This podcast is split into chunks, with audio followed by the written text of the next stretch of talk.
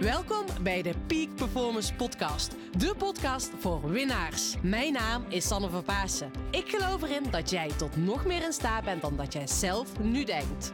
In deze podcast interview ik inspirerende gasten en geef ik tips om structureel topprestaties te leveren. Hiervoor heb je een hoge energie nodig, die je met toewijding doelgericht inzet. Niet als een eendagsvlieg, maar juist keer op keer. En dat vraagt durf en lef. Wil jij met een energieboost en vol inspiratie je dag vervolgen? Blijf dan vooral verder luisteren. Come on and move your body now and feel the energy.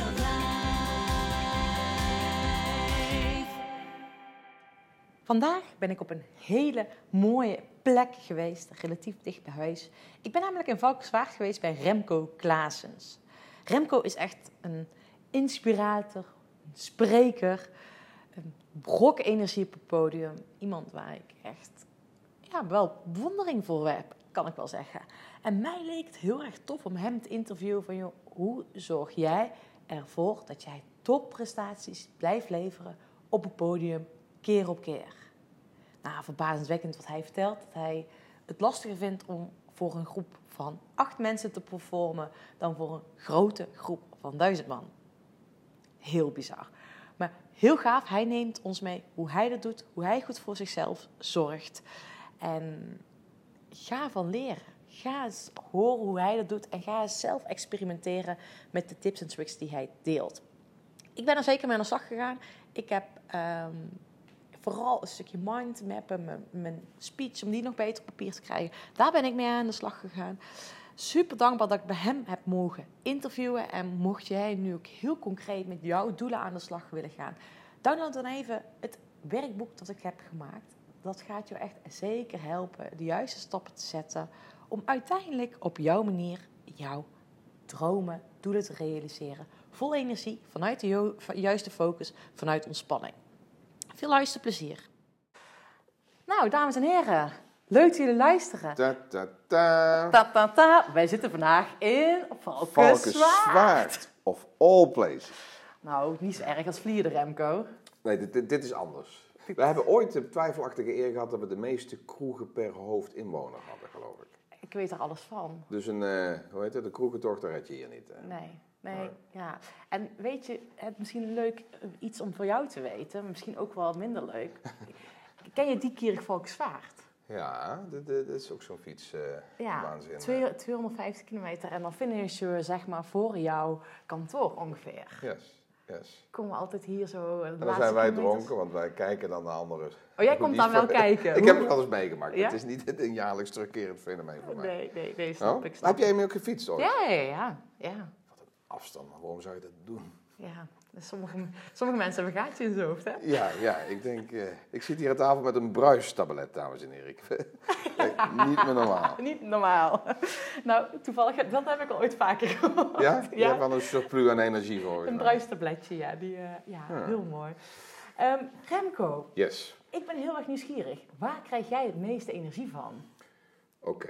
Ehm, ja, waar moet ik beginnen? Er zijn zoveel dingen waar ik helemaal blij van word. Eh, koken Koken? vind ik geweldig. Met mijn gezin zijn, reizen. Ehm, dus een, heel divers di- eh, aantal zaken. Maar ik denk dat jouw vraag gaat in de richting van eh, mijn werk, mijn beroep. Ehm, ik ben er eigenlijk heel jong achter gekomen dat ik het heerlijk vind om eh, mensen te vermaken. Dus, dus een, een beetje de, de, de lolbroek uithangen enerzijds. Dat had ik al bij Center Parks toen ik daar werkte. Als entertainer? ja, dat was echt. Tijdens mijn studietijd heb ik daar gewerkt als, als disjockey. En dan niet, eh, net zoals, eh hoe heet het, hardware en zo mooi aan elkaar en netjes produceren. Nee, dat was meer skihut en sfeer. Maar we, eh, ik werkte in de animatie destijds. En toen hebben we dus ook bingo-avonden gedaan. En ik ben paashaas en, en, en eh, eh, in het kinderhofje, eh, de, de Zwarte Piet. Alles wat gaat over lol maken met anderen heb ik gedaan. En toen is eigenlijk ehm, al een beetje begonnen dat ik me heel happy voel op de bühne. Dus eh, lol maken met, met grote zalen kwam van nature. En daar is eigenlijk alleen maar hele goede kennis bij gekomen. Dus heel veel, heel veel eh, waardevolle materie waar mensen door kunnen groeien. En dat heb ik gecombineerd met eh, ja, een beetje het clowntje durven zijn, stiekem. Dus, Maar was dat clowntje, hè? want het is nog een verschil om op de bühne te staan en een clown te zijn, is best wel een verschil. Zat dat clowntje ook al altijd in jou? Ja. Ik denk als jij een groot deel van mijn onderwijzers eh, eh, interviewt, la- voortgezet onderwijs, maar ook primair, dat ze al zagen dat ik een, een speelse onrust had. Ja. dat was destijds denk ik fucking irritant als je mij in de klas hebt. Ehm, maar dat is wel een deel van mijn ehm, eh, zakelijk succes geworden. Dat, die, die, die, die speelsheid en dat lol willen maken met, met een zaal, ehm, dat, dat, ja, het werkt aanstekelijk. Ja. En het is een, het is een bidirectioneel eh, gegeven. Want als ik lol maak met zo'n zaal, Mhm. dan voedt dat mijzelf ook. Dus hè, waar krijg ik energie van? Ik vind het heerlijk om te performen. Mhm. Eh, ik ben een, eh, niet zozeer een, een één- één op één mannetje. Ik vind dit enger dan, dan eh, een grote zaal. Oh. Zo alleen met jou aan tafel. Dat is, dan moet je ook luisteren en dan moet je interacteren. En ik ben Ja. meer een performer. Dus ik vond jou, eh, hè, we gaan het hebben over peak performance. Ik denk, daar moet ik, eh, performen vind ik gaaf. Ja. De peak eh, leer ik dan wel van jou. Ja. Oh ja, eh, ehm, Remco, ik denk dat heel veel van mijn luisteraars ook, hè, wat jij nu net zegt, van ik vind het lastiger om één op één te communiceren dan voor een hele zaal. Yes. Veel mensen hebben het andersom. Ja, ja, Die staan liever, of die gaan liever één op één in een gesprek dan voor een hele zaal. ja. Maar wat maakt het jou dat dat... Ik heb werkelijk waar geen idee. Het, het zat er eigenlijk al heel vroeg in. Ehm, die, die, ik had het net over bingoavond. Dat was een keer per ongeluk, want eh, toen had ik een, eh, een, een DJ eh, eh, optreden s'avonds, of optreden. Toen moest ik dus als, was ik als DJ ingeroosterd. En toen viel er eentje uit voor de bingoavond. Hij zei, kun je dat van tevoren doen? En dan, ga je, dan neem je daarna die plaatjes voor over. En ik denk, wat moet ik dan doen? Ja, cijfertjes roepen. Ik zei, nou, dat, dat durf ik wel. Dus ik sta daar met, volgens mij was het Robert Wijner of Rob Wenting, ik, ik- een van mijn maten destijds. En eh, ik schiet dus in een soort Willem Ruis rol. Heel per ongeluk, niet voorbereid, met gebrekkig Duits, Frans, Engels, want er zaten iets van 150 mensen in de zaal, I don't know. Eh, prijsjes van niks, het ging nergens over, maar die lol die we hebben gemaakt.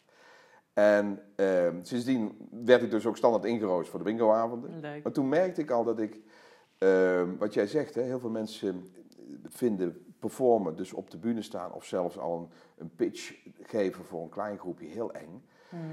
En ik heb een soort inverse angst dat hoe kleiner de zaal, hoe, hoe meer ik in de kramp schiet. Ik, ik krijg wel eens een aanvraag van, hey, kun je ons besturen of onze directie een, een, een halve dag of een dag bezighouden? En dan gaat het over zes man op de hei. Vind ik scary shit, daar moet je mij echt niet voor hebben. En als je dan een paar honderd man hebt, of hè, soms heb ik geluk een paar duizend grote congressen. eh, ja, dat is, dat is zo'n feest. Dat komt van nature. Dan heb ik ook. ehm, ik heb wel eens in een ander interview vroeg iemand: heb je nog wel eens zenuwen? Ik zeg: ik heb geen idee. De- wat ik wel ervaar. Misschien is dat wel een leuke vraag ook voor jou terug. Want ik vind jouw beroep eh, ook heel gaaf. Jouw, jouw vorige beroep. Eh, had jij zenuwen voor de start? Ik, ik, ik had een soort. Sinterkla eh, hè, hij, komt, hij komt Sinterklaas Ja. spanning wel. Excitement. Ja, maar niet, want zenuwen geven angst en onzekerheid en halen per definitie denk ik niet het beste in je naar voren. Ja. Dus ik had wel spanning, maar een, een, een, een, een, eh, een labrador-spanning. Ja, zo wel een kwispelspanning. Ja. ja, ja, ja. Waarom gebruik je kwispel? Dat is mijn woord. Ja, jouw woord, I know. Yes! dus, dus waar krijg je energie van? Ja, ik heb een enorme kwispeling op de bühne. Ja. Ehm, ik ben al, denk ik, 23 jaar eh, in, een, in eenzelfde kennisdomein mijn lessen aan het geven. Dus leiderschap, persoonlijke ontwikkeling en communicatie. Dus de theorieën veranderen niet heel eh, veel, moet ik zeggen. Maar het is dus eh, de fun die je met zo'n zaal hebt. Ik, ik, ik heb geregeld vragen gehad, ook van vrienden, van... Hey, je, je vertelt nou al zo lang dezelfde verhalen. Hoe, hoe hou je dit vol? Ja. Maar door dit beroep snap ik eh, Tina Turner bijvoorbeeld. Misschien een vreemde link, maar die, die, die, die heeft iets van 40 jaar Simply the Best gezongen. En tjoeke tjoeke, eh, Rolling on En dan denk ik van, ja, hoe, hoe hou je dat vol? Hoe hou je die jus erin, die jeu erin? Maar het is niet zozeer die woorden die eruit komen, die, die noten. Het is dus die dynamiek met zo'n zaal. En dan heb ik nog het voordeel, hè, wat dat betreft eh, delen wij dezelfde passie, dat je ook voelt dat mensen er iets aan hebben. Ja, ja, voor het interview deelde jij mij een verhaal over een paar tranen die jij op hebt gewekt bij een persoon in het publiek. En dat is zo- zo'n level van eh, eh, waardering die je dan voelt. Dan heb je iets gecatalyseerd, wat dus kan leiden naar groei, of verbetering of whatever. Ja. Dus dan heb je lol met een zaal. Je hebt dezelfde emoties als een zaal. En dan ben je nog bezig met anderen te helpen. Ja. Ja, je, zal, Ja, dat is geen mooier beroep. je plant eh, zaadjes. Tenminste, zo zie ik dat je plant Ja. zaadjes. Ja. En misschien kunnen er mensen niet meteen wat mee, of uiteindelijk wel. Sommigen gaan er meteen in actie, maar je plant iets en uiteindelijk gaat het, komen er dingen in beweging. En dat is heel vet. Ik denk dat er, geen, ehm, dat er weinig beroepen zijn die zo mooi, die ehm, het, het geven van energie en het krijgen van energie zo in één beroep verpakken. Want Ja. het is, het is, het is eh, ja. Ik, Maar ja, want waar ik heel erg nieuwsgierig naar ben. hè, Remco, ik kan me niet voorstellen, want als je voor duizend man moet staan, Mhm. heb je energie nodig. Nou, in jouw geval heb jij, als je voor een groep van zes man gaat staan, heb je nog veel meer energie nodig, omdat Ja. het iets meer uit je comfortzone is. Maar ook jij hoogstwaarschijnlijk hebt momenten dat je laag in energie zit. En hoe doe je dat dan? ja, ik moet eigenlijk toegeven dat ik dat niet veel heb. Dat wil niet zeggen dat ik geen zorg heb. Of Mhm. Op, maar op een of andere manier, als ik de, dan de bühne ruik, Ja, komt er een andere modus. Komt Ja. er een andere... ehm, dan vergeet ik ook de problemen. ja, cool. Ja, En dan zit je op de terugweg in de auto, eh, loopt langzaam de energie weg, of dan denk je over wat er is gebeurd. Ja. En dan komen de zorgen terug, als ze er zijn. ja. Maar die zijn dan gewoon verdwenen. Oh, ik vind het zo cool dat je het zegt. Weet je wat ik altijd zeg? Ik, heb, ik vertelde net, ik heb gisteren de marathon gerend. En ik eh, zeg ook altijd tegen de mensen die ik begeleid of als ik spreek, weet je, je moet ervoor zorgen dat je de winnaarsmentaliteit op kan spelden. En wat we vaak doen, wat ik heel vaak, wat ik vroeger deed tijdens mijn sportcarrière, ik had altijd die winnaarsmentaliteit op iedere dag, altijd weer. Het stond altijd volle bak aan. En nu speld ik hem echt op op het moment dat het nodig is. En op het moment dat ik die opspeld, zit ik in die volledige focus. En dan vergeet ik inderdaad de rest om me heen en ben ik alleen maar aan het doen wat ik aan het doen ben. En dat hoor ik jou ook zeggen. Maar dan is het dus wel belangrijk. Maar goed, dat is een de- groot deel van mijn werk. En zoals ik eh, begrijp, jouw werk ook. Mensen moeten dus eerst wel die, die, die purpose vinden. Ja, ja, Want als je bezig bent met missies en, Ja. en visies en goals. ja. En je hebt niet het gevoel dat het je aanzet. Dan Ja. heb je dus nog, je kompasnaald nog steeds niet goed. Nee. Dus in principe, ehm, het aanzetten van die ehm, peak performance mentaliteit herken ik wel. Ja. Daar heb ik zo nog wel even een opmerking over. Want ja, misschien kan ik hem nu doorheen werken. Ik heb eh, geregeld mensen die zeggen van ja, ik, ik denk dat ik goed op mijn koers zit. En ik Mhm. heb denk ik eh, een aantal dingen eh, voor de mij juiste manier op de rit. Mhm. Maar ik heb nog wel voorspanning of voorzenuwen. Stel Mhm. dat ze bijvoorbeeld in mijn beroep willen en ze zijn trainer, spreker. En dan zeg je, ja, ga ik daar ooit van af? En wat ik heb moeten leren is dat die spanning is, moet je niet hopen dat die weggaat. Want die spanning geeft een, een, een fundament voor jouw performance. Ja. Ik denk als de spanning kwijt, als je de spanning kwijtraakt, dat je, eh, dat, er- dat je over een bepaalde piek heen gaat. En dat is iets waar ik je voor wil waarschuwen. Het houdt mij enorm scherp eh, om altijd te willen performen eh, voor de klant. Ja. Dus een belangrijke, hè, de happy zaal, happy opdrachtgever, is voor mij een ultieme brandstof. Ja. Ehm, dus in plaats van dat ik dat probeer weg te eh, ademen of de, de, power moves of weet ik veel, omarm ik dat. Ja.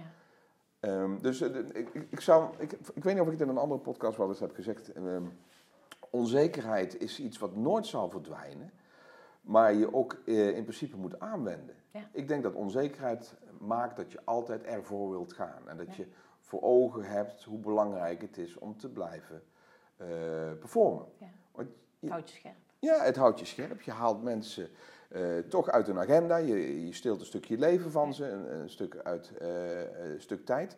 In ons beroep vragen we er nog geld voor, hè, coaching, training, spreken. En als, dat, als die spanning verdwijnt, dan denk ik dat, het, dat er een glijdende schaal kan ontstaan. Dat je, dat je denkt van nou, ik, ik doe het wel eventjes. En dan gaat het mis. Ja. ja, ik vind het ook, die excitement moet je voelen. Van dat je, ja, ik wil er, ik, hoe, hoe zal het gaan, maar ik ben er wel klaar voor. Dat die. En het is wat jij bedoelt te zeggen, of wat jij letterlijk zegt, is dat je een andere kijk hebt ten opzichte van die zenuwen, spanning, nerveusheid, onzekerheid. Ik ben het gaan omarmen. Ja, Het, het, het, is, het maakt dat je er eh, echt voor wil gaan en dat je alle systemen openzet. En dat je, ik denk, in de tijd dat, want je bent wereldkampioen geweest, hè, je wereldklassement heb jij, wereldbekerklassement heb ik gewonnen. holy ja. fuck. Ja. Dat heb jij nooit kunnen doen met een, met een, met een 70% focus. Nee. Dat is 100, 110, 120. Ja. En ik denk dat onze beroepen, jouw oude beroep en eh, eh, mijn, mijn beroep en jouw huidige beroep, eh, precies hetzelfde is. Je doet het dan niet meer op de fiets. Nee. Maar qua mindset en, en, is het denk ik één op één vergelijkbaar. Klopt, ja. Maar dat, ik zie dat ook het ondernemerschap, dat is ook topsport. Waar, waar wij het straks ook in het voorgesprek over hadden.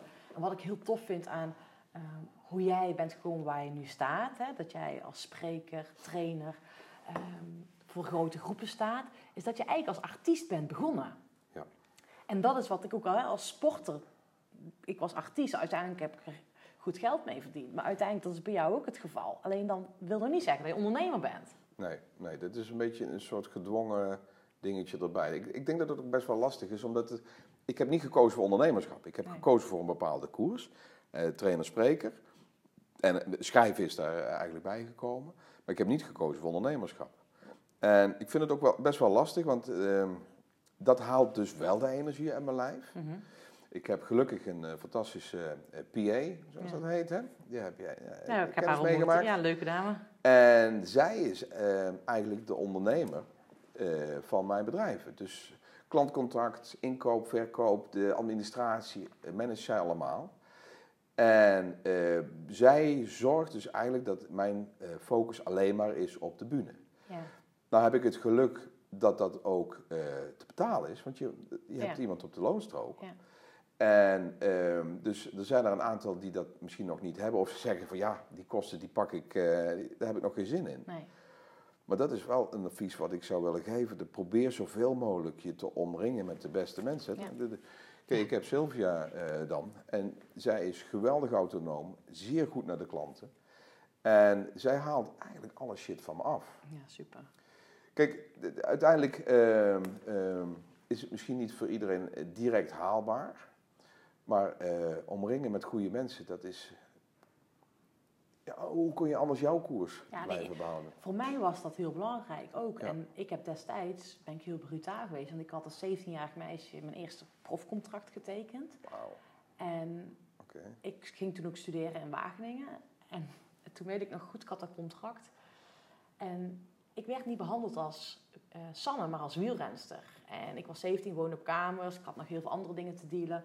En uiteindelijk merkte dat ik niet lekker in dat team functioneerde. En toen ik het tweejarig contract heb ik die ontbonden. Omdat ik bewust met de mensen wilde samenwerken waar ik mee wilde samenwerken. Dat is wel lef trouwens. hè. Slef, ja. En toen heb ik uit, mijn- team neergezet door mijn eigen sponsoren te zoeken. Maar wat jij nu zegt, ik geloof op het moment dat je... Hè, denk veel luisteraars die zouden dat ook willen, zichzelf omringen door de juiste mensen. Uh-huh. Maar vaak denken we gewoon, het kost zoveel geld. Maar wees Ja. eens creatief. En misschien zijn er andere... hè, op het moment dat je die middelen nog niet hebt, kan je op andere manieren naar kijken. Want hoe deed jij dat op, op het begin? Nou, ik heb een hele makkelijke start gehad in ondernemersland. Dus dat is, dat is wel eens lastig, want ik krijg wel eens meer vragen van, oh, help mij, ook aan die, door die beginjaren. Ehm, toen ik wegging bij Hightech Automation, bij Ordina, Ja. ben ik eigenlijk direct teruggekocht Ja. eh, als, als trainer voor de mensen. Dus Ah. het eerste jaar had ik 80% van mijn omzet was geborgd Oh ja. door mijn laatste werkgever. En in het tweede jaar kwam er een eh, andere eh, directie en die wilde een hele hoop dingen veranderen. Toen werd het nog erger. Toen ben ik dus, eh, het tweede jaar had ik nog 60%. Mhm. Daar ben ik voor betaald zonder dat ik hoefde te performen. Dus Echt? hebben een contract afgekocht. Oh. Nou, dat is natuurlijk eh, als eh, startende ondernemer eh, het mooiste scenario wat je kunt bedenken. Ja. Betaald krijgen. Dus de jaaromzet was meer dan dik eh, in orde om mijn, eh, het salaris wat ik vroeger had eh, te evenaren. En ik had eh, een schone agenda. En ja, kijk, en toen heb ik eh, zoveel producten in de markt kunnen zetten. En zo zijn er zoveel andere dingen nog gebeurd. Dus ik heb nooit geldzorgen gehad. Ja. Dus dat is een hele. eh, Ik, kan daar geen vraag over beantwoorden, want ik heb een, een super gelubriceerde start gehad Ja. in ondernemersland. Ja. Ik denk dat als dat niet zo was gebeurd, eh, dat ik veel slechter had geslapen in eerste instantie. Ja. En misschien dit ook niet zo op deze manier had gered. Ik ben een zeer bange ondernemer. Ik denk elk jaar dat het afgelopen is. Ja. Dat is heel triest. Terwijl het, hè, ik heb al, al jaren een volle agenda ver, ver vooruit. Ja. Dus het- er zijn geen signalen dat het Ja. eh, afneemt. Want daarom probeer ik die, dit, even te kaderen. Dat je zo geen vragen gaat stellen van hoe, hoe word je een beter ondernemer. Ik heb daar echt geen kaas van gegeten. Ja, maar- Ik- ja. Het, het is eh, super makkelijk voor mij eh, eh, begonnen. Ja, dat zeg jij, ja, maar ik, ik hoor jou nu praten. Ook omdat jij zegt van, joh, ik, het is me aankomen waaien min of meer. Dat deel, hè? Ja, alleen, ik, als ik dan naar jou kijk, denk ik, ja, maar ja, je krijgt ook niet voor, in één keer voor elkaar dat je dan toch geboekt wordt voor de Nee, club van duizend man. Dus daar heb je toch wel laten we dat eh, dan, nodig. dan even scheiden. Dus ik heb wat geluk gehad om mijn eh, initiële ondernemersangsten, die werden gewoon netjes gefinancierd. Maar ik ben er wel me- zonder aflatende energie met twee gestrekte benen ingegaan. Ja. Ik heb een zeer duidelijke focus gehad eh, rondom publiek tevredenheid. Ik ben ook zeer gevoelig voor eh, groepsbeoordelingen.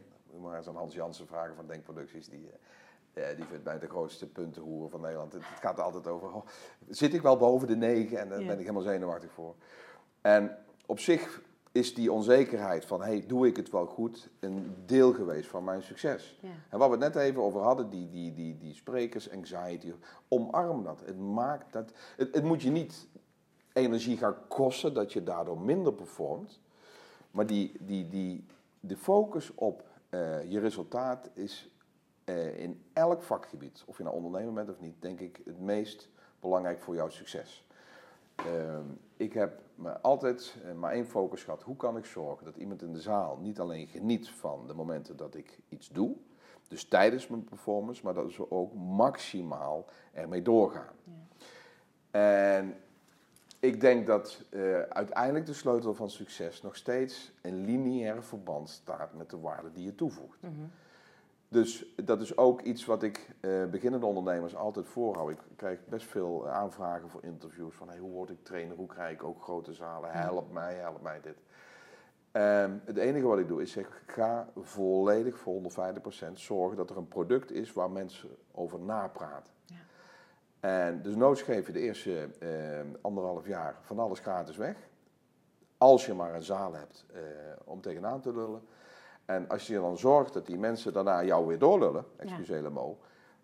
Ik denk dat de enige manier om geld te verdienen is vanuit referral. Ja. Ik eh, zie zoveel mensen die eh, proberen via marketing hun, hun omzet in de stijgers te zetten. Door een goede actie, een, een goede opbouw van een sales funnel Ja. en een goede weet ik veel.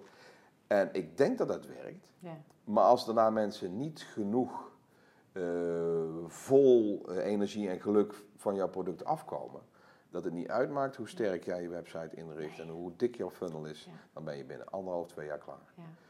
Dus alhoewel ik dus een mooie startfinanciering had voor mijn eerste anderhalf jaar, is de reden van het succes dat ik continu zo ontzettend vol ga voor de waarde van het publiek. Ja. En dan krijg je, dat is wat, wat hè, de, na drie eh, jaar ontstond, dat de zalen worden gevuld door de vorige tevreden zalen. Ja. Dat vind ik heel mooi wat jij zegt, want dat eh, heb ik ook wel eens, wat ook over mezelf. Hè. Weet je, ik hoor jou echt zeggen, ik vind het heel belangrijk dat op mensen, mensen mij zien, dat ze enthousiast worden, ermee aan de slag gaan en Yes. doorvertellen. Yes. En weet je, ik ben zelf ook online zichtbaar en ze kunnen mij allemaal vinden. Maar ik zeg altijd van, ja, waarom moeten ze mij hebben? Voel mijn energie maar eens. En, Ja. Ja, de impact op de zaal Ja. uiteindelijk. en dat is, ehm, en dat is ook met mijn coaching zo. En dat is wat jij zegt. En dat is heel mooi als je dat voor Ja. elkaar krijgt.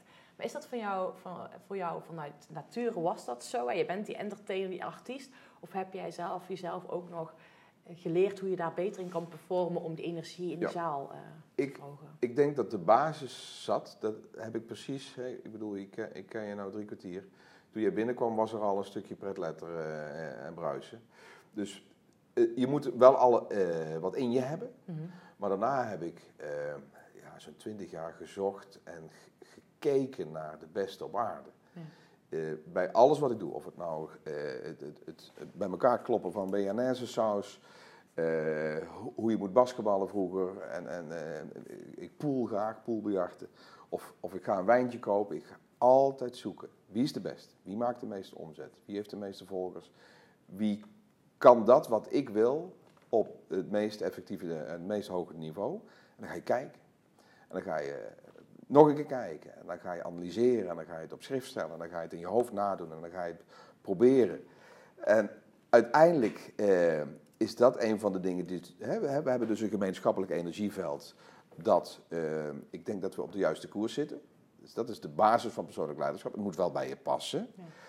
En daarna ga je gewoon eh, jatten van de beste. Ja. Jatten van de beste. Dat is, ja. Ja. maar dat is wel... Absoluut. Ik heb zoveel geleerd. En alle facetten van mijn optredens. Dus niet alleen de content. Dus ik, Mhm. ik, alles wat meer dan een miljoen boeken verkoopt, spring ik in de nek, pluk ik kaal en, en lever ik door.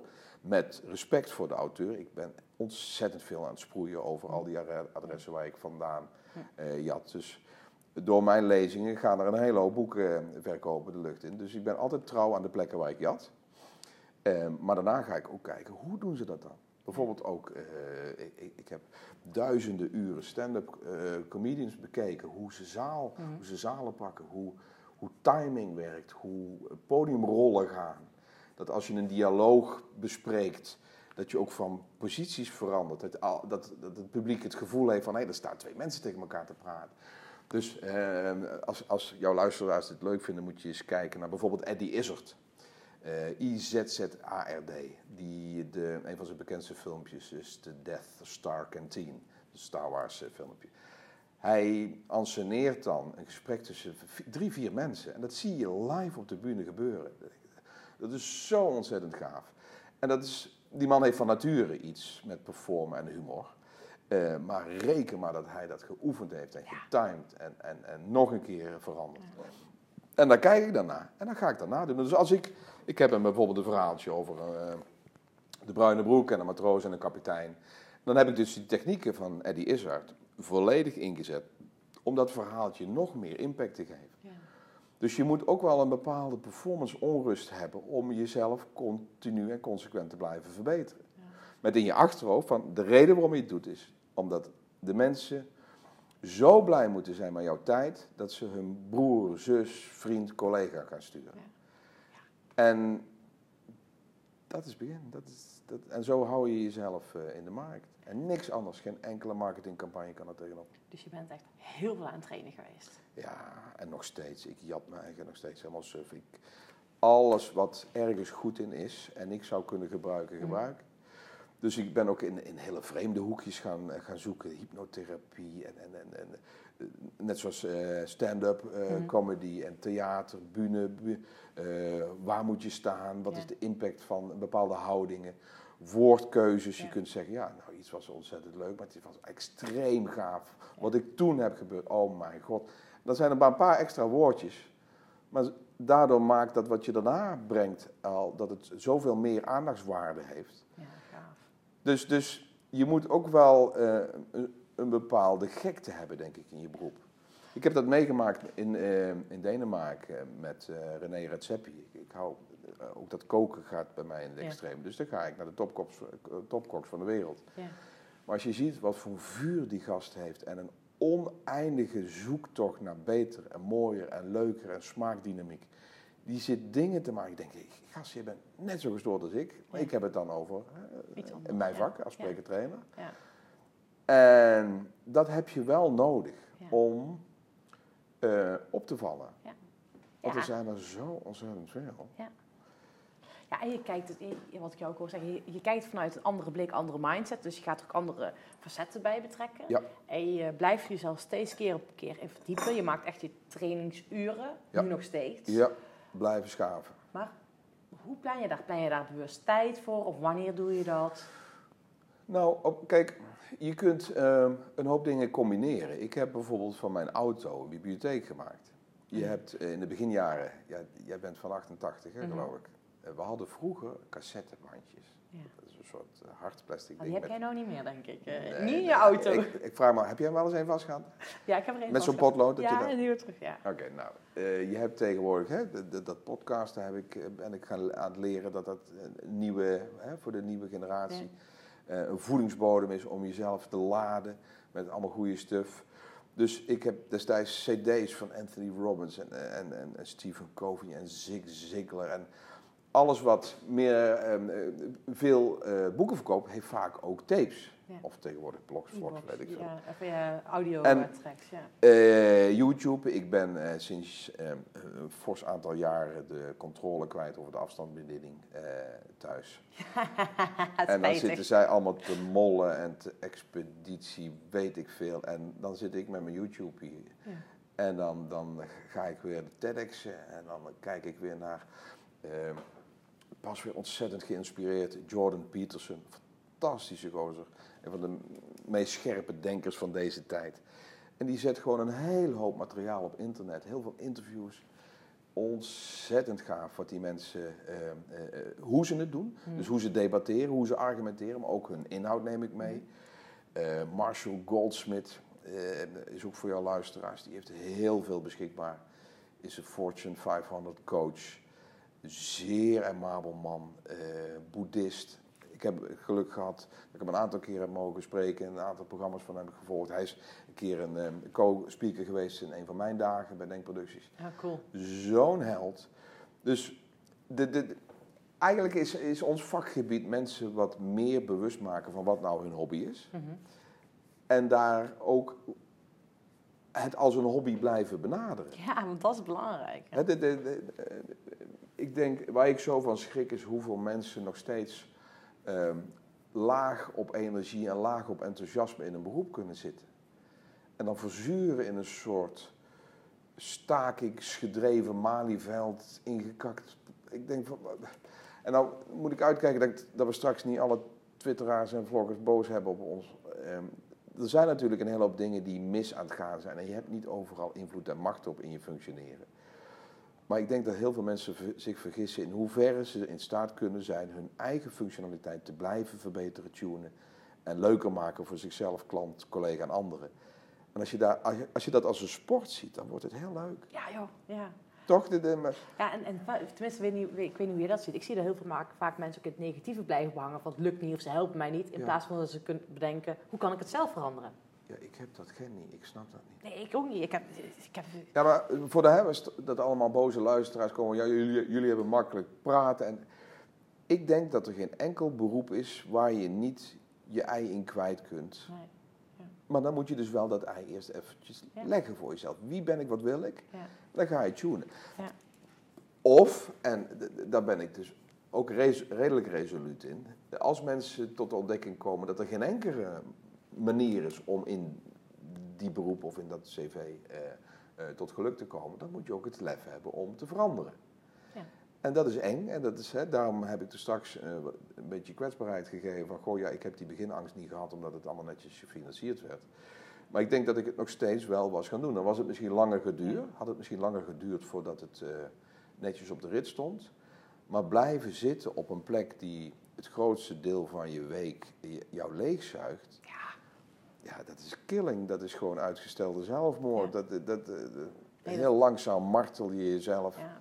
En het lullige is dat je daardoor ook de, eh, de, de groeipotentie eruit haalt. Want als jij niet lekker in je vel zit, heeft dat een lineair effect met jou, op jouw performance. Ja. Hoe jij bent bij je klant, hoe jij zit in een vergadering. Dus dan heb je het al niet naar je zin en je wordt dan langzaam een soort zwart gat Ja. waar andere mensen van balen. Ja. Ja, en ik vroeg jou straks, hè, hoe, hoe doe je dat als jij laag in je energie zit? Zei dat heb ik eigenlijk helemaal niet. Maar dat is eigenlijk de basis, omdat jij doet wat jij leuk vindt. Ja. En dat jij daar zo vol passie mee bezig bent en vol vuur. Ehm, en op het moment dat jij eh, niet hè, jezelf laat leegtrekken omdat je iets aan het doen bent wat je niet leuk vindt, ja, dan, dan heb je dat. En dat is juist belangrijk, daarna Ja. op goed za- of, ja, Nou, wat, wat gaat. je, ik denk dat je het nou heel mooi samenvat. Het zoeken naar je eigen peak performance niveau is dus, doe je niet alleen voor jezelf. Nee.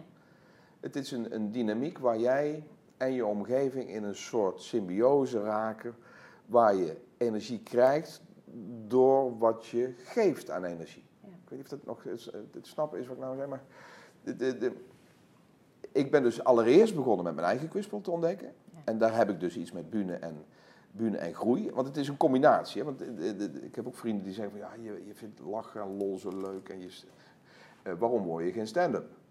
Maar dan heb ik maar één deel van mijn passie. Ik heb die, die, die performance, die clowneske, dat cabareteske vind ik heerlijk. Maar niet zonder inhoud.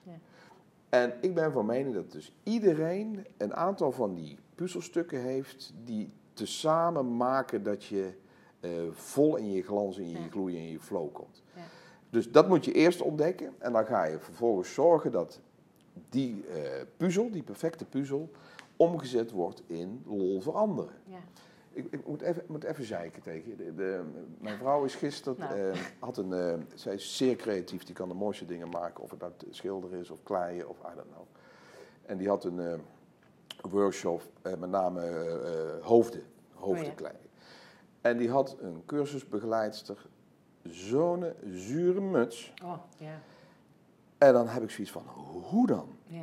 Ze bleek heel goed te zijn in het knieën, maar de manier waarop ze met haar, met haar groepje omging en de communicatiestijl en iedereen had zoiets van, oh mijn god, dit nooit meer. Je voelt je klein. En dan denk ik, hoe, kan zo'n persoon opstaan? En dan, ik, ik ga ervan uit dat, dat er werk is, geld verdienen Ja. aan, aan kleiworkshops en... En dat je dan niet in de gaten hebt dat je mensen plat slaat, dat je de energie eruit trekt. Mijn vrouw was gewoon boos. Ja. Die had zoiets van, nou, ik heb best wel een aantal dingen geleerd, maar het was gewoon zuur. Ja. En ik denk wel, hoe, hoe, kan dat? Ja, maar, dat, maar jij zegt nu hè, ze verdient er geld mee, het is er werk. En misschien zit daar ook wel de bottleneck in. Op het moment dat je het gaat zien als werk, in plaats van dat jij het ziet als... Wat zij doet is eigenlijk precies hetzelfde als wat wij doen of wat jij doet. Mensen entertained, weet je wel. Ik bedoel, jouw vrouw gaat daarheen, of als ze er op zondag ook nog heen gaat, Ja, voor een leuke betaald. dag. Ja, precies. Voor een leuke dag, omdat ze wil leren, maar vooral leuk, iets moois heeft gecreëerd. eh frissing, eh, heldere geest. Daarvoor komen mensen bij haar. Maar hoe zit je dan in je systeem dat Ja. je dat niet snapt? Ik vind, een, een, een deel van ehm, de passie die wij delen is ook een deel van de irritatie die ik heb. Hoe Mhm. mensen, hoe het kan dat mensen op een gegeven moment opgeven. En in die low energy modus en in dus, de, de- wat is het tegenovergestelde van peak performance? Een, een, een bottom eh zui- achteroverleunen en denken Ja. dat het maar vanzelf wel goed komt zonder in beweging te komen. Maar wat, wat er dan gek is, vind ik, is dat dan toch dingen ontstaan van onvrede en verzuring, maar ook van jaloezie. Ja. Anderen lukt het wel. En dat je dan niet je verantwoordelijkheid pakt van, oké, laat ik eerst eens beginnen met te snappen, wat, wat, wat kost ik een omgeving? Ja. Hoe vaak word ik teruggevraagd? Ja. Hoe vol zijn mijn zaaltjes? Hè? En dan Ja. geef ik een, een trainers- en sprekersvergelijking. Maar jouw zaaltjes k- zijn ook, is ook je team, is ook je gezin. Ja. En op een of andere manier denk ik dat. Want ik heb het ook nog niet helemaal bloot waar het zit. Dat sommigen eh, zeggen van nou dit nooit. En dat anderen. Ken je de. eh, oh, ik heb het pas met iemand over gehad. Eh, eh, een eigen tweelingen zijn van, voor sociaal psychologen en psychologen fantastisch voer voor eh, het, het screenen van succes bijvoorbeeld. Mhm, mhm. Eh, want die hebben alle facetten hetzelfde. Ja. Dus niet alleen DNA-technisch, ja. of misschien één of twee chromosomen na, maar ook de opvoeding. En, en één voorbeeld spreekt mij enorm aan. Er was een, twee mannen uit een asociaal gezin, drank, drugs, geweld, een hele tyfuszooi bij elkaar. En die hebben ze eh, een jaar of 25, 30 gevolgd. Ik, ik ga nou dwars door dat onderzoek heen, maar het gaat even over die rode draad. En uiteindelijk blijkt dat ze een compleet verschillende succesfactor hebben. Eén is eh, een, maatschappelijk succesvol, heeft een goede baan, had centjes op de bank, een gezin, eh waardenormenpakketje helemaal in orde. Gewoon helemaal top. En die andere was een kopie geworden van zijn vader. Strafblad, drank, drugs, geweld, de hele zooi. En, maar de interviewen eh, die door de jaren heen zijn gedaan, kwamen soms toch door op dezelfde antwoorden. Eentje vond ik met name het meest interessant. Waarom ben je, ben je geworden zoals je nu bent? Als een hele open vraag. En ze gaven beide hetzelfde antwoord, los van elkaar. Dus niet eh, in hetzelfde interview. Wat wil je met zo'n vader? En dan heb je dus een exact hetzelfde antwoord met een compleet verschillend resultaat. En dat is wat, wat ehm, eh, eh, gedragspsychologen heel interessant vinden. Wat is nou echt de, de klik van succes?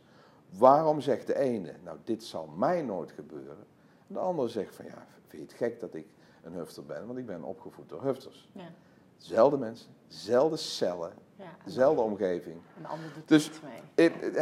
Het, is ook wel een ding wat mij blijft bezighouden. Hoe zet je mensen nou echt aan? Want ik ken er zat die ontevreden zijn en ik, zeg, hebben- ik ken er zat die gaan voor meer, beter of leuker. Maar sommigen hebben dan toch intern ergens nog een I don't know what. Ja. Wat maakt dat ze eerder gaan naar jaloezie, Ja. eerder gaan naar beklag. Ja. In, in plaats van het, eh, de kwispel voelen van oké, Ja. nu beter, nu anders. Ik vind het wel mooi wat je nu zegt, want ik weet nog heel goed bij mij het moment, wat bij mij eigenlijk die twist is veroorzaakt. En dat komt eigenlijk door mijn moeder. Mhm. Ik ben op een boerderij opgegroeid, heel safe. Mijn moeder heeft, heeft ooit tegen mij gezegd, ehm, ik, ik ben best wel een barieschopper geweest, van ik wilde echt mijn eigen pad volgen. En toen heeft mijn moeder ooit gezegd, Ik kan me er niks bij voorstellen. nee, dat dacht ik al. Ja? Van Sanne, je moet ook dingen doen die je niet leuk vindt. En toen heb ik tegen haar gezegd, ja, maar ik ga alleen doen, dingen doen die ik leuk vind. Ja. En daar heb ik zo in mijn ogen genomen. En natuurlijk moet ik ook wel eens dingen doen die ik niet leuk vind, maar die minimaliseer ik echt. Ja. Ehm, en dat is een keuze die ik heb gemaakt. Ja. En Maar waarom jij dan wel? En stel dat jij een tweelingzuster zou Ja. hebben volgens het onderzoek, Ja. die misschien niet. ja, Dat is en, gek. en over dat onderzoek naar die tweeling ben ik ook gefascineerd over. Ik heb op dit moment in mijn omgeving drie één, één, één eigen tweelingen, waarvan Oh. ik er eentje zelf aan het coachen ben. Ehm, en ik zie daarin ook echt verschillen terug met, met tweelingen. Ehm, want ze zijn wel anders opgevoed. Maar je ziet in mijn ogen, wat ik dus ook zie, degene die als eerste eruit is gekomen of als laatste, weet die als laatste eruit is gekomen, moet veel meer op die voorgrond treden, veel meer initiatief nemen. En dat is echt letterlijk zo.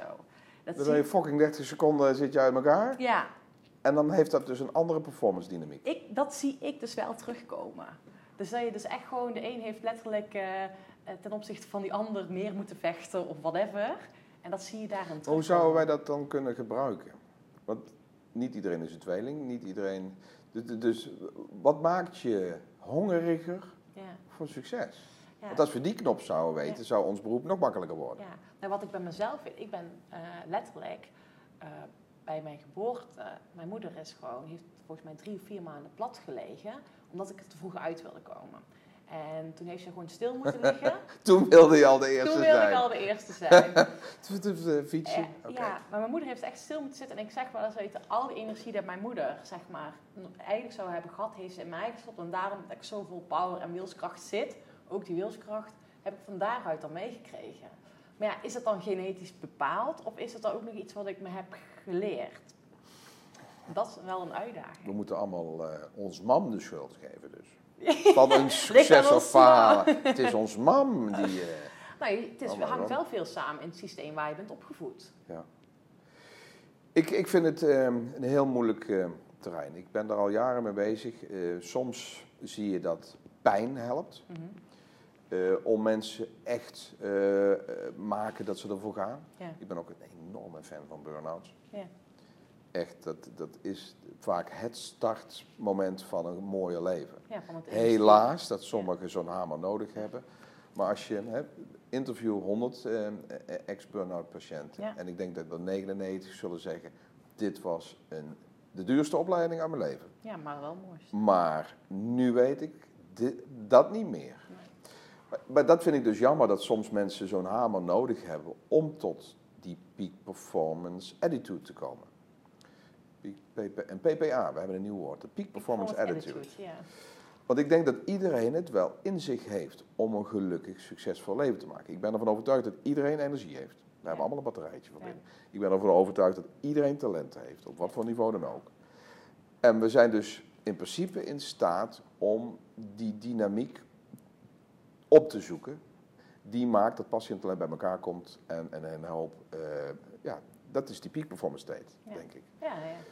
En wat dan maakt dat sommigen eh, dat niet kunnen of pas later. Ik, eh, als je het vindt, moet je me bellen. Ik ben benieuwd. Want hoe, ben je, hoe is jouw opvoeding geweest? Of, eh, wat Veilig, heel erg op eigenwaarde. Mhm. Dus de, al maakte ik een mooie drol, dan werd er al de vlag uit. Dit is een Mhm. mooie tekening. Ehm, ze hebben hard gewerkt aan het wel zorgen dat ik een basisopleiding heb. Mhm.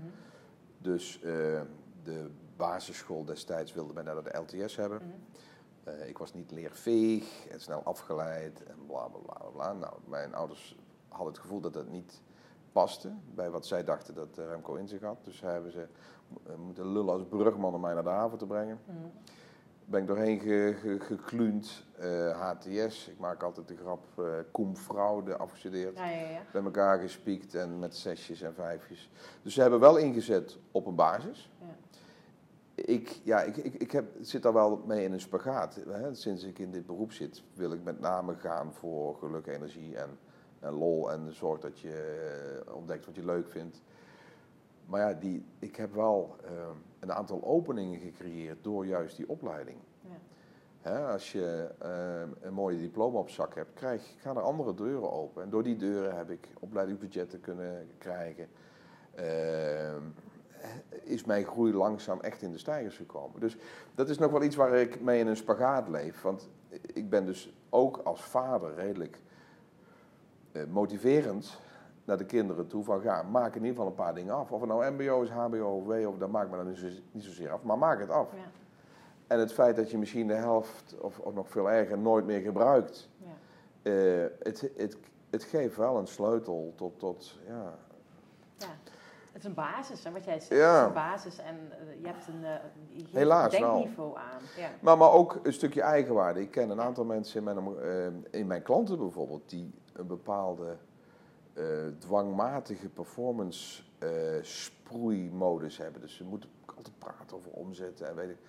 En voor een deel is dat terug te herleiden naar toch een stukje onzekerheid omdat ze niet een opleiding hebben gehad. Ja, En ik, dat wil ik mijn kinderen voorkomen, dat je dat je, je altijd klein voelt. Ja. Eh, vertrouwen. maar in principe ben ik er ook van overtuigd dat het, het niet hoeft. Nee. Ik weet zeker dat het niet hoeft. Alleen qua vertrouwen zie ik dat wel terugkomen. Eh, Ja. Het geeft wel vertrouwen dat je een opleiding hebt afgerond en je denkt, weet je, Ja. ik heb wat. Het lukt me. Ja, het is, het is toch wel een, eh, een fundament voor je eigen waarde. Maar, maar dat wil niet zeggen dat je als laag, of eh, nee, dat mag niet meer, hè, praktisch opgeleid Ja. persoon niet een enorm zakelijk succes kunt bereiken. Want het zit, wat mij betreft, in hele andere dingen dan alleen maar die cognitie. En, en eh, feitenkennis. Nou, het, mij gaat het altijd om, om of je dingen met vuur doet, weet je wel. Ja. Of passie of energie, noem het maar. Maar Ja. weet je wel, succes is in mijn ogen daarvan afhankelijk. En daar zijn we weer rond, hè? Ja. Het- Peak performance kan denk ik niet opgewekt worden als je niet op het juiste pad zit. Nee. Dus, dus eh, waar ik iedere keer op uitkom, is dat het allerbelangrijkste startpunt van succes in welk, welke branche of vakgebied dan ook, is het ontdekken van je kwispelstaart. Ja. Als je niet in, in, in vuur en vlam raakt, elke ochtend, om er vol voor te gaan. Kijk, die YouTube-sessies op de bank is niet alleen omdat ik eh, de mol en eh, ik heb nog nooit een uitzending eh, De Wereld Draait Door gezien. De Ut- Utopia schijnt ook. Ik ken, kijk ook geen televisie. En dat is niet omdat ik. Dus het is voor mij geen gedwongen activiteit om te YouTuben naar kennis en groei. Het is, het is ook de fun. Ja, leuk, ja. Maar als je nou wel luisteraars, ik weet dat sommige luisteraars ook zitten van ja, verdorie, het is wel makkelijk van Remco om te zeggen waar ga je van kwispelen of ga gewoon doen wat je, waarvan je gaat kwispelen. Ehm, heb jij een aantal praktische dingen, dingen wat je zegt, oké, ga dit doen om jouw kwispelheid of jouw vuur of Ja. te ontdekken? Kijk, in principe is je lichaam heel eerlijk eh, voor wat betreft eh, eh, het ontdekken van kompas. Eh, elementen. Een groot deel van mijn werk help ik eigenlijk kort door de bocht mensen hun kwispelstaart vertalen naar een kompasnaald. Je hebt koers nodig in je leven en dat kun je het beste ha- halen uit je kwispelstaart. Nou, kwispelen staat voor mij voor energie. Ja. Wanneer geeft iets energie, wanneer kost iets energie? Wanneer vliegt de tijd, wanneer kluun je door de dag? Ehm, ik heb in de beginjaren, toen ik mocht gaan werken aan mijn persoonlijke groei, heel veel testen en toetsen en, en typologiemodellen. Ik ben door al die dingen heen geweest. Of het nou Myers-Briggs is, of de Leary-Rose, of de Big Five, of de Low Six, tot en met het Enneagram, 360 graden. Alles heb ik gedaan. En op een of andere manier heeft mij dat toch nog op een functie, een baan gezet waar ik energie eh, op verloor. Ik zat dus compleet verkeerd carrière technisch, terwijl ik wel al die stappen heb gedaan. En het enige wat ik destijds niet zo wist, of daar ben ik ook niet in begeleid, is om door de gedragslagen en de competentielagen heen te kijken van wanneer levert nou iets op. Ja. En dat Wat bedoel je daarmee? qua energie. Qua energie opleveren. Ik kwam er dus achter, ik zat in een salesrol als, als informaticus eh, in een commerciële rol. En ik kan sales. Ik heb eh, communicatieve vaardigheden, ik heb social skills, ik kan likability opwekken en al die dingen. Eh, maar het is niet mijn, eh, mijn, mijn vak. Dus ik kan sales, maar ik ben geen verkoper. En die jaren daarna, ik gelukkig, gelukkig heb ik dat redelijk jong ontdekt, ben ik dus veel meer gaan kijken van waar ga ik van aan, in plaats van waar, wat kan ik goed. Dus skills zijn is één component van je succes. Maar het, het oog hebben voor je batterij is een vele, vele maten belangrijker. Ja. En daarom zeg ik, eh, in principe is het niet zo moeilijk, omdat je, je lijf heel eerlijk is. Ja. Als je nou eens gewoon een maandje of wat, of een paar weken, is met veel meer een, een, een, een, een eh, batterijfocus naar je week kijkt. Ja. Wanneer vliegt de tijd? Ja. Wanneer behaal je dat iets afgelopen is? Wanneer sta je in vuur en vlam? Dat zijn de zaken die indicatief zijn voor je koers. Dus hoe meer je je energie blauwdruk blootlegt, hoe makkelijker het wordt om te werken aan meer energie eh, morgen, volgende week. En misschien zal het niet direct lukken. Stel dat je vastzit op een salarisniveau wat, wat zodanig is dat je niet durft te vluchten. ja, want dat is denk ik ook heel vaak, hè? Dan, dat, dat is best eng, maar dat geef ik ook anderen mee. Je hoeft niet al je schepen te verbranden Nee. om in één keer gelukkiger te worden. Je kunt heel veel dingen parallel doen. Ja. Je kunt proberen eh parttime dingen op Ja. te starten. Een side hustle. Een side hustle, die heb ik nog nooit gehad. Die vind Nee? ik helemaal geweldig. Maar, maar ik denk dat je met side hustling Ja. eh, ook gaat ontdekken, beter voor jezelf, wat is dan waar je wel van Ja. in vuur, vuur en vlam gaat. Ja, ik, ik, ik zeg dat ook altijd, wat je zegt, hè, weet je, je- langs je vast... hustle, ja, lachen, lachen. Langs je vaste baan, je hebt je vaste baan, of iets dergelijks en je weet, ik wil eigenlijk iets anders, maar ga eens experimenteren, waar krijg je wel energie van? Want dat is vaak ook, van als je er niet 100% zeker van bent, of dat, of dat de juiste richting is, hè. Ja. Je denkt dat je kompas die kant op gaat, maar ga dan eens kijken hoe je meer dingen kan gaan organiseren. Als je organiseren leuk vindt, of Ja. events, of whatever. Een side hustle, mag ik die gebruiken? Ja, ga ik mag je die gebruiken. Ik train ook geregeld op de Antillen. Mhm. Een soort eh, ontwikkelingshulp die ik doe. Oh ja? Eh, iemand moet het doen. blij, blij dat jij dat doet. Je hebt eh, daar de term een byside. Oh ja? En dat zijn bijvrouwen in principe. Mhm. Er gebeurt heel veel, maar niemand praat erover. Maar je ziet tegenwoordig in Nederland of in Europa ook hè, het Novo Mundo, Second Love en weet ik veel. Ik Ja. denk, wat gebeurt er allemaal? Ja. Maar als je dat doortrekt naar ons vak, Ja.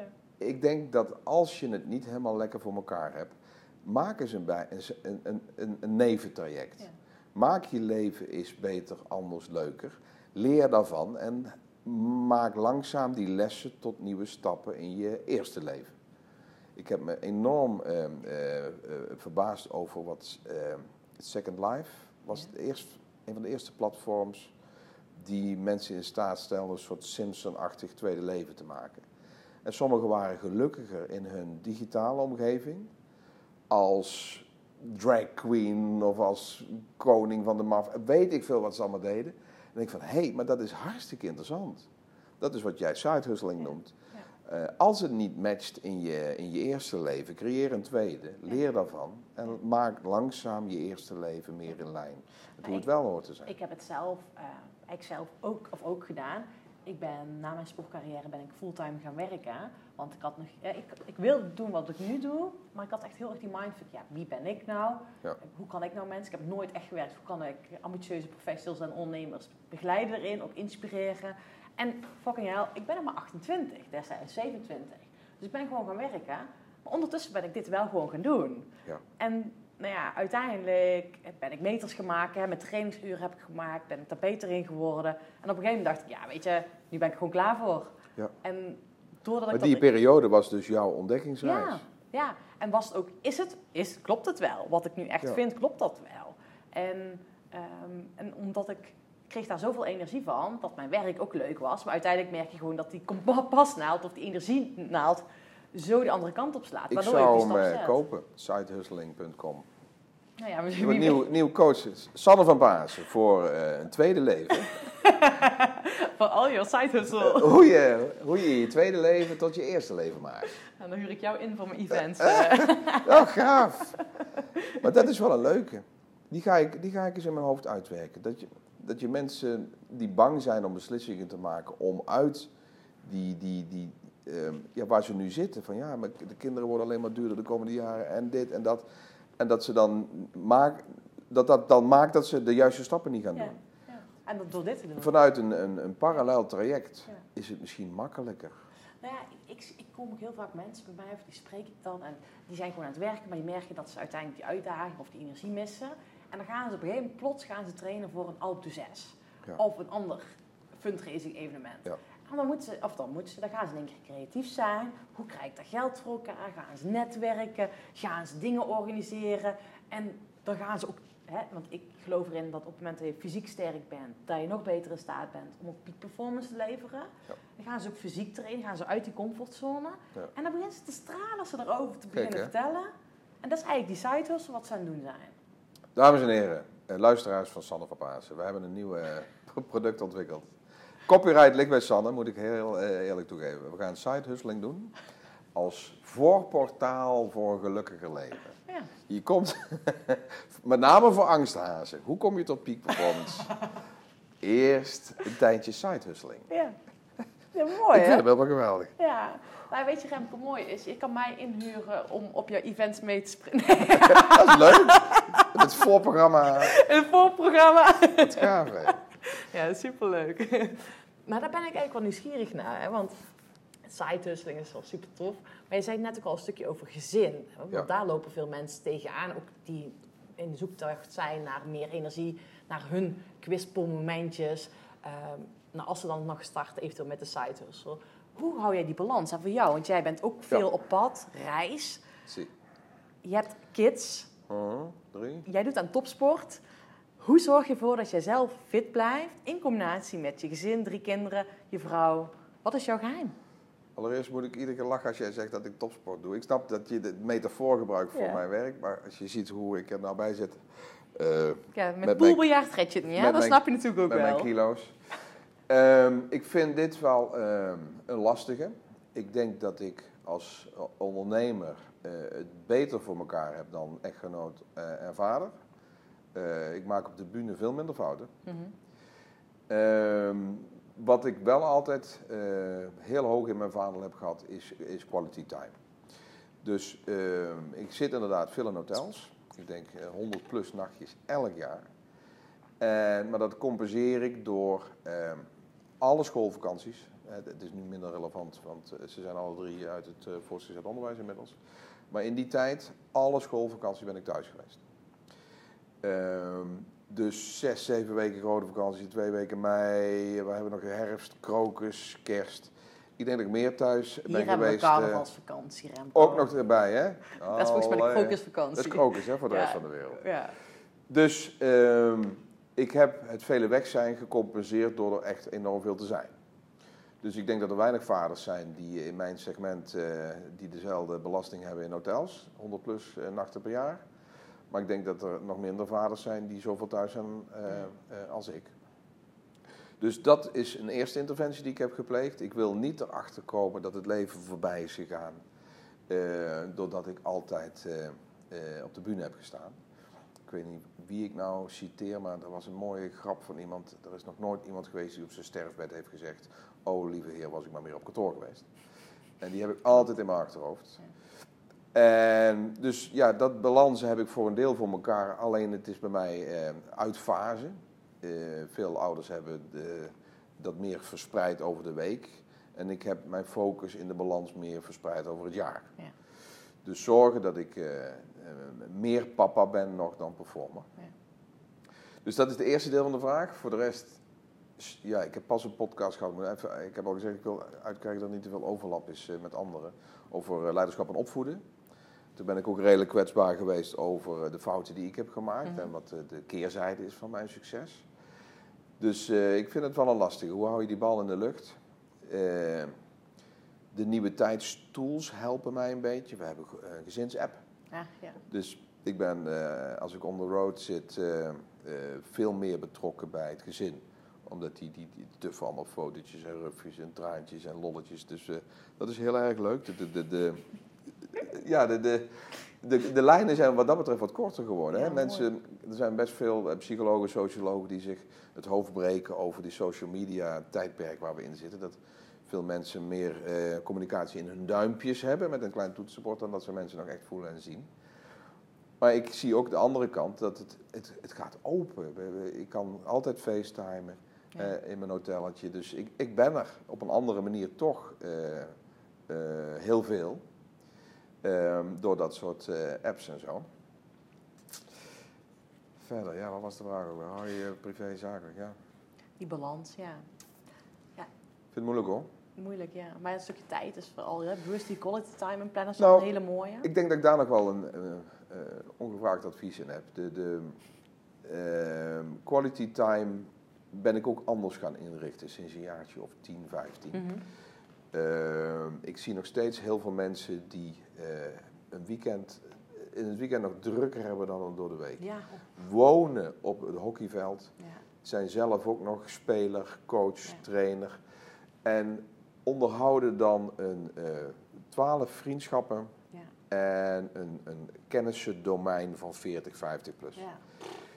En soms lijkt het ook nog wel een soort maatschappelijke status te vertegenwoordigen. Van we hebben veel vrienden en elke zondag is ons huis vol. En, ehm, ik ben daar helemaal van teruggekomen. We hebben een soort sterfhuis-BV opgericht een jaar of 15 geleden. Om laagje 5, 4 en 3 eh, langzaam uit te laten drogen. Ik heb één beste vriend. eh, eh, twee hele goede vrienden er nog omheen. En ik denk dat we twee stelletjes hebben, max. Plus dan nog wel een beetje familie wat nog leeft. Ja. En dan is het jaar alweer om. Ja. Dus eh, ik heb hooguit eh, tien mensen waar ik heel veel tijd en energie in Ja. steek. Daar zit mijn gezin dus bij eigenlijk. Ja. Dus dat is, ik, ik weet niet of anderen erop zitten te wachten, maar eh, het leven is te kort om, om 30, 40 man in leven te houden. Ja, nou, ik, ik ben het er helemaal mee eens. Want ik doe precies hetzelfde wat jij zegt. Op je jonge leeftijd al. Ja, maar ik, moet, ik ben nooit hè, misschien nooit gedwongen dat al eh, door mijn sport. Omdat ik, ik, ik studeerde, ik deed een universitaire opleiding, de combinatie topsport. Ik kon dat niet. Ik woonde Ja. op mijn 17 op kamers in Wageningen. Nou, met openbaar vervoer was het drie uur reizen. Ja. Ja, ik moest die keuze wel maken. Maar ik merk nu ook van, ik heb gewoon mijn familie. eh, ik heb mijn vriend en een paar goede vrienden. En that's it. En ehm, wat ik ook, en dat heb ik ook nog wel echt van mijn vriend geleerd.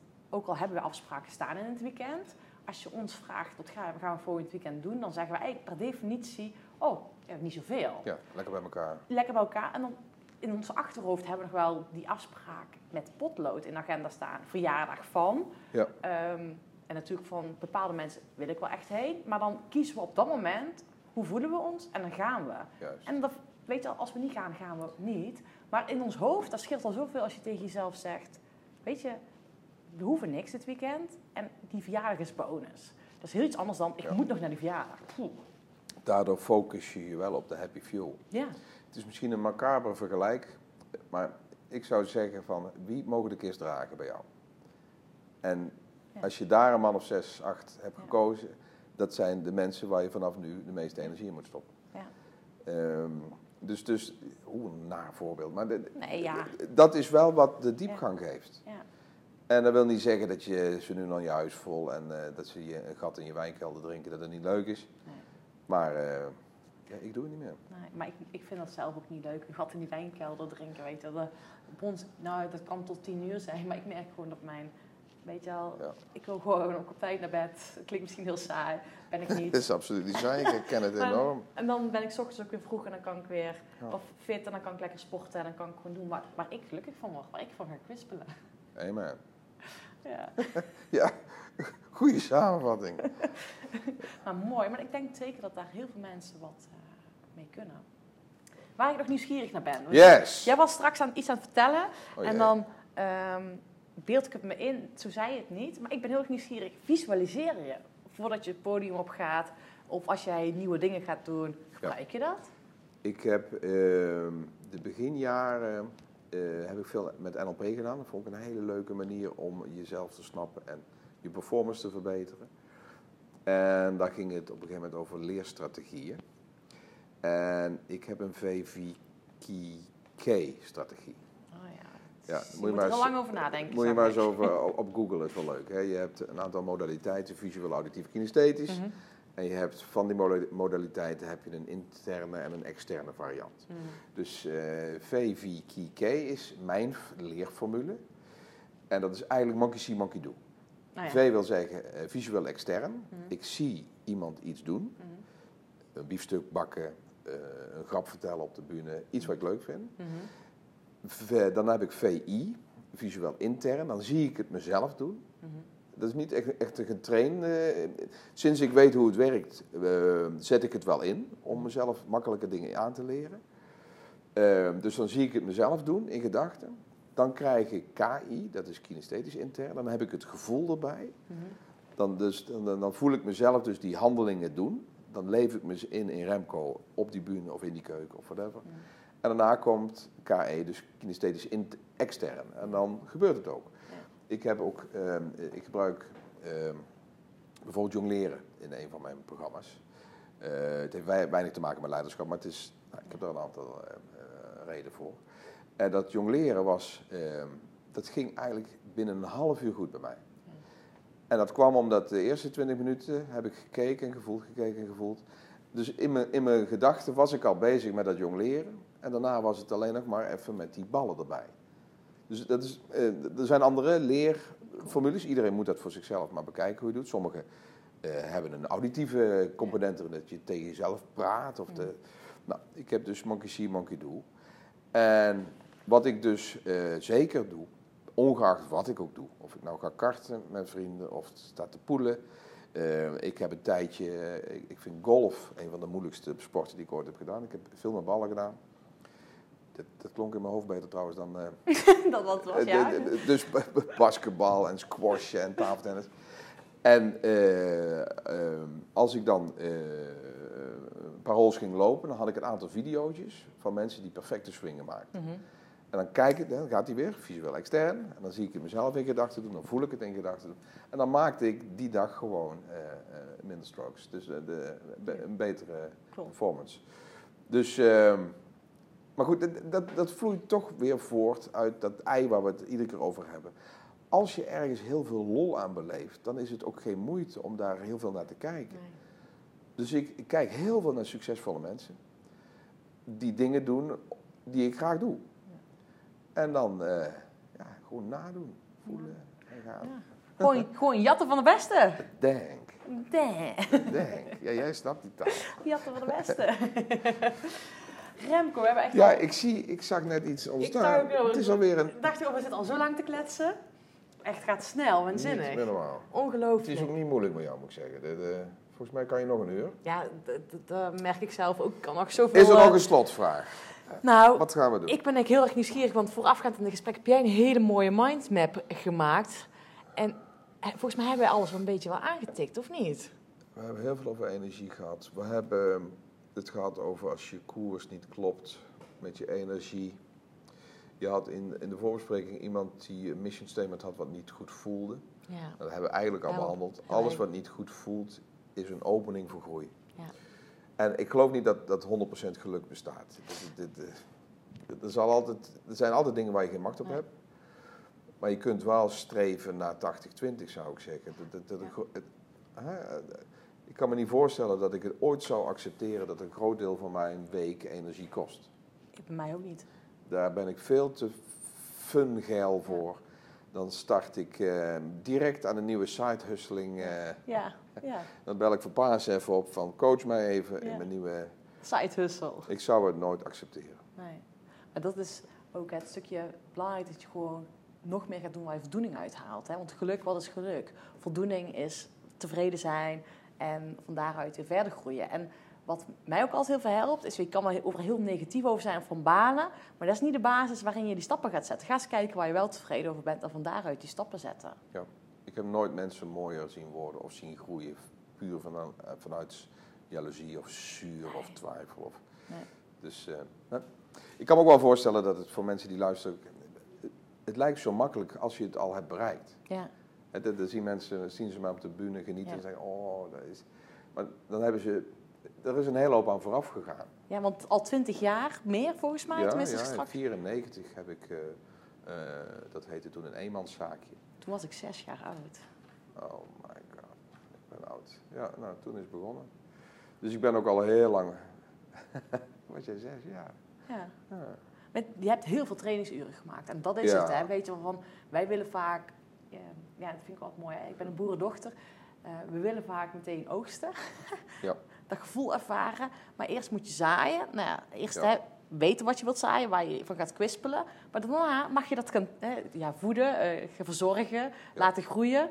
Ehm, Een van de eh, trainingen. Ik heb nogal een tik van de, hoe heet dat, Klepel? Hoe heet zo'n ding? Molenweek. Nou, anyway, Stephen Covey is een van eh, de goeroes die eh, impact heeft gehad op mijn leven. Eh, ik zat een keer in een training in Engeland, toen was er een filmpje over eh aardappeloogsten. En dat, dat vergt dus drie, vier jaar voordat je een fatsoenlijke aardappel hebt. Dus je, moet, je kunt een aardappel eh, poten en oogsten, maar dan is de, de grond daarna echt compleet dood. Klopt. Moet je ja. een hersteljaar, een beetje gras, dan kan je misschien nog een keer een tomaatje er neerzetten. Ja. Dus dan heb je drie jaar ben je bezig voor één oogst aan fatsoenlijke aardappelen. Ja. En ik kan me herinneren, het is echt lang geleden, dat dat werd gebruikt als een soort metafoor voor effectiviteit. Mhm. Dus wilde een fatsoenlijke aardappel en erpel hebben in je leven, moet je dus echt goed zorgen voor de grond. Ja. En dat kan soms jaren duren. Dat is misschien wel een dingetje, daar heb ik dit, weekend me nog over vergaapt. Er is tegenwoordig, lijkt het of er veel makkelijker quick fix successen zijn. Ik, ik ken jonge twintigers die dan met een paar YouTube kanalen tonnen verdienen. En dat ook eh tierig sproeien over, kijk ik heb die jas en die schoenen, kijk ik rijd die auto. En dat geeft een, een soort fucked up mindset voor de, de 99% die dat geluk niet heeft. En, maar die hebben dan wel het gevoel van, hé, hey, ik, ik ben inadequaat, ik, ik, ik doe niet mee, ik kan het niet. Dus ik denk dat die, die, die quick fix succes, YouTube vlog, eh, rapping, weet ik veel segment, eh, heel veel eh, low self-esteem creëert in de nieuwe generatie.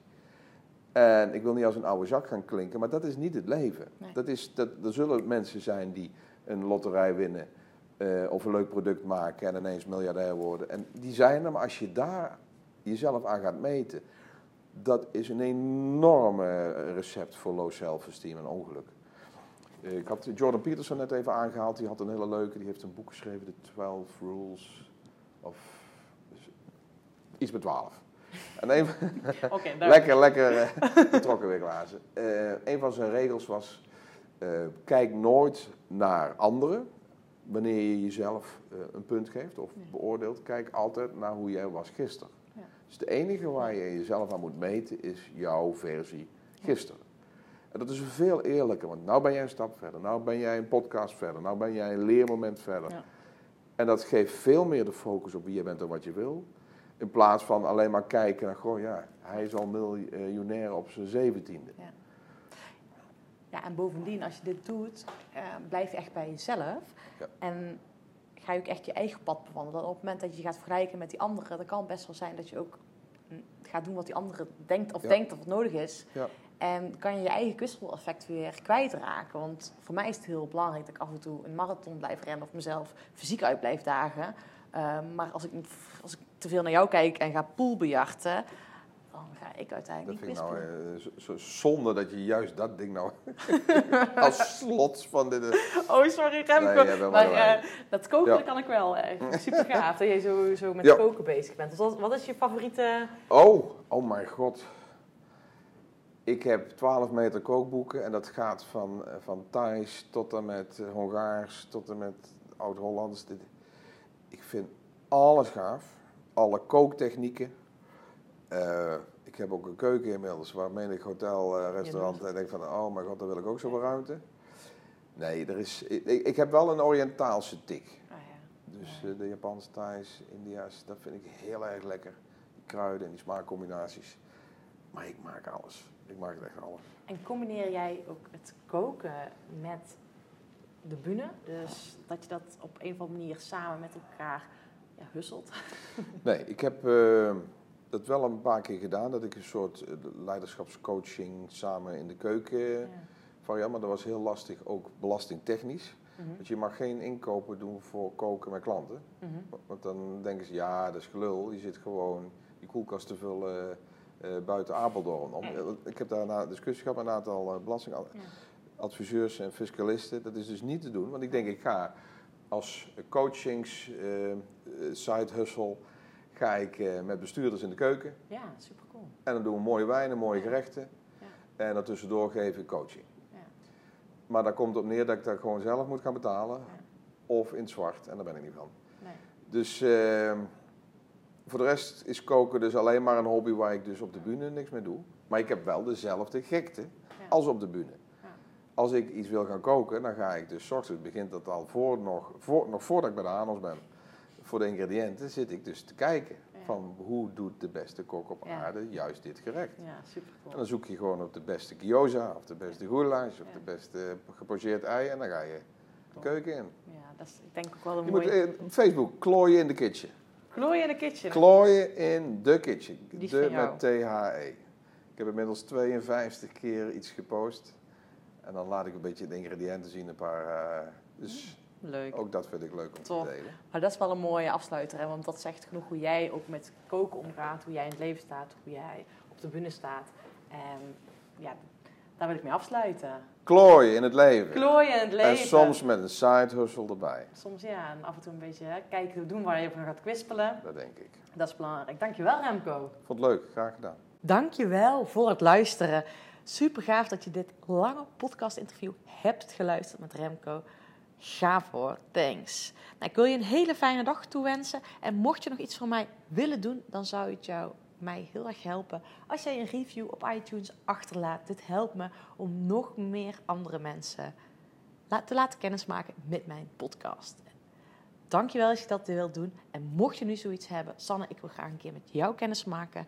Stuur me een berichtje via social media. Je kan me vinden onder Sanne van Pasen. Niet zo moeilijk.